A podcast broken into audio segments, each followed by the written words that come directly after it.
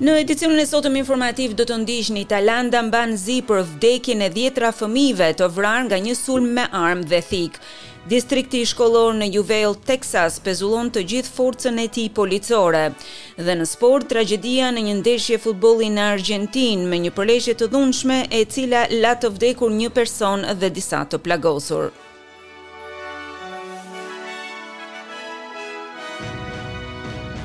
Dhe filloj me lajmet, kryeministri i Tajlandës ka vizituar çerdhen, e cila ishte skenë e të shtënave masive më vdekjeprurëse në historinë e këtij vendi.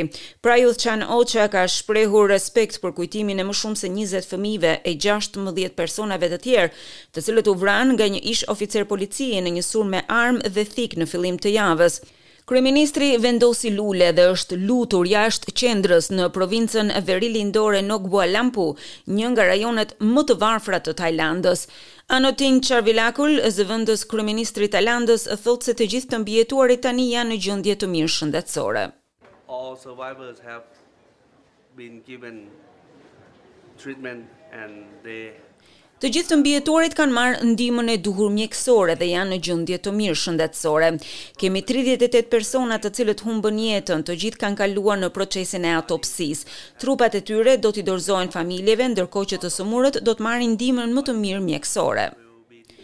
Distrikti shkollor në Uvalde, Texas, ka pezulluar forcën e tij policore. Shkaku ishte mënyra se si u trajtua një sulm masiv në maj, i cili mori jetën e nëntëmbëdhjetë nxënësve dhe dy mësuesve. Distrikti tha se si rezultat i zhvillimeve të fundit, dy oficerë, togeri Miguel Hernandez dhe drejtori i shërbimeve studentore Ken Mueller, janë vendosur në leje administrative, zoti Mueller do të dalë në pension. Distrikti është në pritje të rezultateve të një hetimi të udhëhequr nga Shoqata e Shefave të Policisë së Teksasit, si dhe një firmë e jashtme rreth të shtënave në shkollën fillore në Robb. Të dhënat pritet që të publikohen në fund të këtij muaji. Shtetet e Bashkuara nuk kanë asnjë të dhënë të re rreth kërcënimeve bërthamore të Rusisë, kështu është shprehur Shtëpia e Bardhë, pasi presidenti Joe Biden përmendi mundësinë e Armagedonit bërthamor. Sekretarja e shtypit të Shtëpisë së Bardhë, Karine Jean-Pierre, thotë se Shtetet e Bashkuara nuk kanë të dhëna se Rusia është përgatitur që të përdorë armët bërthamore dhe nuk ka asnjë arsye për të ndryshuar qëndrimin e saj. He was reinforcing what we have been saying, which is how seriously we take these threats. Ai thjesht ka theksuar edhe një herë atë që e kemi thënë dhe më parë, se sa seriozisht i kemi marrë këto kërcënime në lidhje me armët bërthamore. Nuk kemi arsye për të rishikuar qëndrimin tonë rreth kërcënimeve bërthamore të Rusisë, sepse nuk ka asnjë të dhënë se Rusia do të përdorë armë bërthamore, Të enjten zoti Biden tha se kërcënimi i presidentit rus Vladimir Putin për të përdorur armë bërthamore e ka sjellë botën më afër Armagedonit. Zyrtarët e Shteteve të Bashkuara për muaj të tërë kanë paralajmëruar për mundësinë që Rusia mund të përdorë armë të shkatërrimit në masë në Ukrainë, pasi deri tani është përballur me pengesa strategjike në fushën e betejës, Megjithatë, vërejtjet e zotit Biden shënuan paralajmërimet më të ashpra nga qeveria e Shteteve të Bashkuara të Amerikës në lidhje me veprimet bërthamore. Në Nju Jork është shpallur gjendja e jashtëzakonshme, ndërkohë që ky shtet përballet me krizën e imigrantëve. Lajmi vjen pasi guvernatori republikan i Teksasit, Greg Abbott, vazhdon të dërgojë autobusë plot me imigrantë në qytetin e Nju Jorkut. Kryebashkiaku i Nju Jorkut, Eric Adams tha se bashkia e tij ka gjasa që të shpenzojë një miliard dollarë në këtë vit fiskal në lidhje me ndërtimin e qendrave të ndihmës humanitare dhe burimeve të ndihmës. Our city's exceptional ability to respond to a temporary crisis is being used by others to solve Aftësia e jashtëzakonshme e qytetit tonë për t'u përgjigjur në raste krizash, po përdoret nga të tjerët për të zgjidhur një problem të menjëhershëm. Më shumë se shtatëmbëdhjetë mijë azilkërkues, kryesisht nga Amerika e Jugut, janë transportuar me autobuse direkte në qytetin e Nju Jorkut nga kufiri jugor që nga prilli. Shumë prej tyre nuk dinë se ku po shkojnë apo se çfarë i pret në fund të udhëtimit, tha ai. Liverpool do të jetë qyteti mikpritës i konkursit të këngës së Eurovisionit vitin e ardhshëm. Fituesve të mëparshëm i jepen të drejtat e pritjes, por këtë vit fituese ishte Ukraina, që mori vendin e parë, e vendndodhja e festivalit ka ndryshuar për shkak të luftës me Rusinë. Ja dhe momenti kur prezantuesi Graham Norton bëri njoftimin në BBC.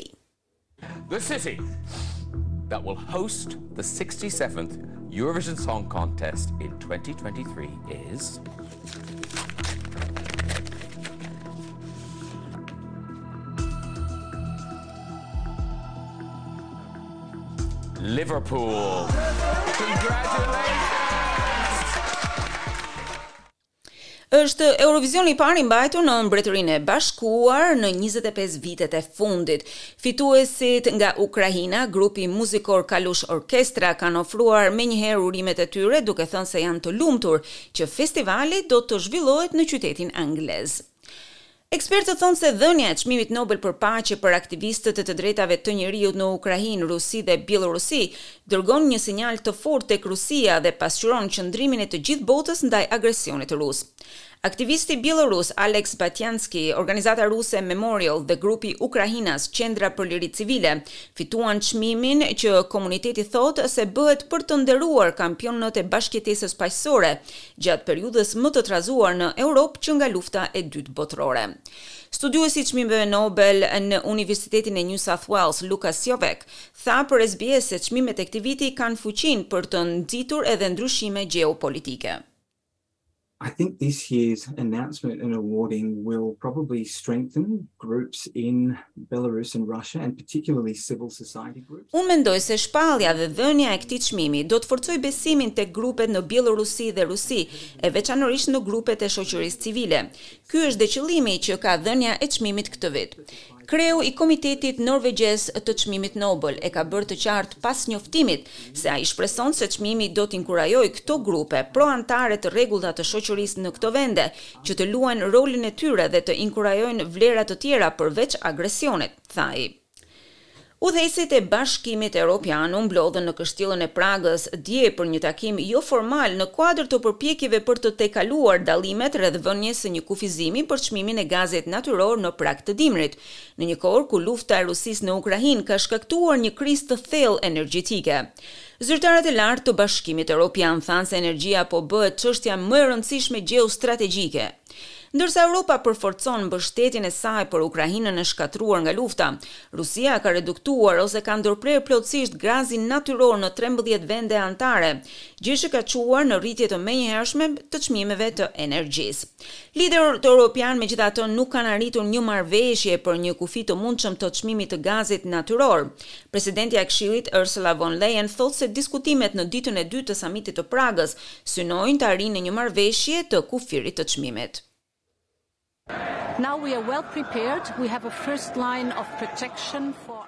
Jemi të përgatitur mirë, kemi një linjë të parë të mbrojtjes për tregjet tona.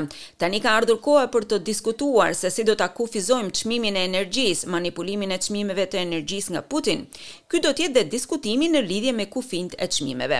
Pyetja është ku do t'i vendosim, si do t'i vendosim, e kjo do të jetë një nga pikat e sotme të diskutimeve. Pika e dytë dhe e rëndësishme është tregu i vetëm dhe fusha e barabartë e lojës, tha ajo. Organi më i lartë i OKB-së për të drejtat e njeriut ka marrë një vendim të emërojë një ekspert të pavarur për të intensifikuar më tej shqyrtimin e çështjeve që lidhen me respektimin e të drejtave të njeriut në Rusi. Vendimi vjen pas rritjes së arrestimeve arbitrare, goditjes së zërave kundërshtarë e kufizimeve të fjalës së lirë për shkak të luftës në Ukrainë. Propozimi i miratuar me shtatëmbëdhjetë vota pro, gjashtë kundër dhe njëzet e katër abstenime u paraqit në Këshillin e të Drejtave të Njeriut nga të gjitha vendet e Bashkimit Europian me përjashtim të Hungarisë. Pak para votimit në Gjenevë, grupi rus i të drejtave të njeriut Memorial u shpall bashkëfitues i Çmimit Nobel për Paqen për vitin dy mijë e njëzet e dy.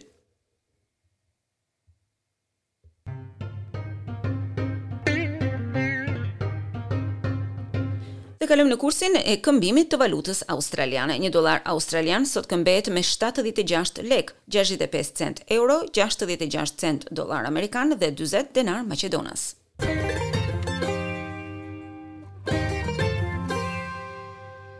Dhe kalojmë në sport, Boca Juniors ngeci në një barazim pa gola në transfertën ndaj Gimnasia La Plata, ndërkohë që një tifoz humbi jetën në këtë ndeshje. Ndeshja u ndërpre në minutën e nëntë, pasi tifozët vendas të pajisur me bileta u përplasën me policinë, pasi dëshironin të futeshin me çdo kusht në stadium. Shumë prej tyre u dëmtuan, teksa nuk munguan plumbat, gazi lotsjellës, shkopinjtë e gomës dhe dhuna nga ana e forcave të policisë. Një pesëdhjetë e shtatë vjeçar ndroi jetë si pasojë e problemeve të shkaktuara në zemër gjatë represionit policor. Drejtuesit e Gimnasia u akuzuan se kishin shitur më shumë bileta se sa kishte mundësi të ofronte kapaciteti i stadiumit. Dhe kalojmë në parashikimin e motit, sot nëpër qytetet australiane janë regjistruar këto temperatura, Sydney gjashtëmbëdhjetë njëzet e tre, Melbourne nëntë pesëmbëdhjetë, Brisbane shtatëmbëdhjetë njëzet e gjashtë, Perth shtatë njëzet e tre, Adelaide nëntë gjashtëmbëdhjetë, Canberra dhjetë nëntëmbëdhjetë, Hobart tetë pesëmbëdhjetë, Darwin njëzet e gjashtë tridhjetë e katër gradë Celsius. Për nesër byroja e parashikimit të motit sjell këto temperatura, Sydney dymbëdhjetë shtatëmbëdhjetë, Melbourne shtatë pesëmbëdhjetë, Brisbane nëntëmbëdhjetë njëzet e pesë, Perth tetë njëzet e dy, Adelaide gjashtë nëntëmbëdhjetë, Canberra pesë pesëmbëdhjetë, Hobart pesë katërmbëdhjetë dhe Darwin njëzet e gjashtë tridhjetë e katër gradë Celsius. Ndoqët edicionin informativ.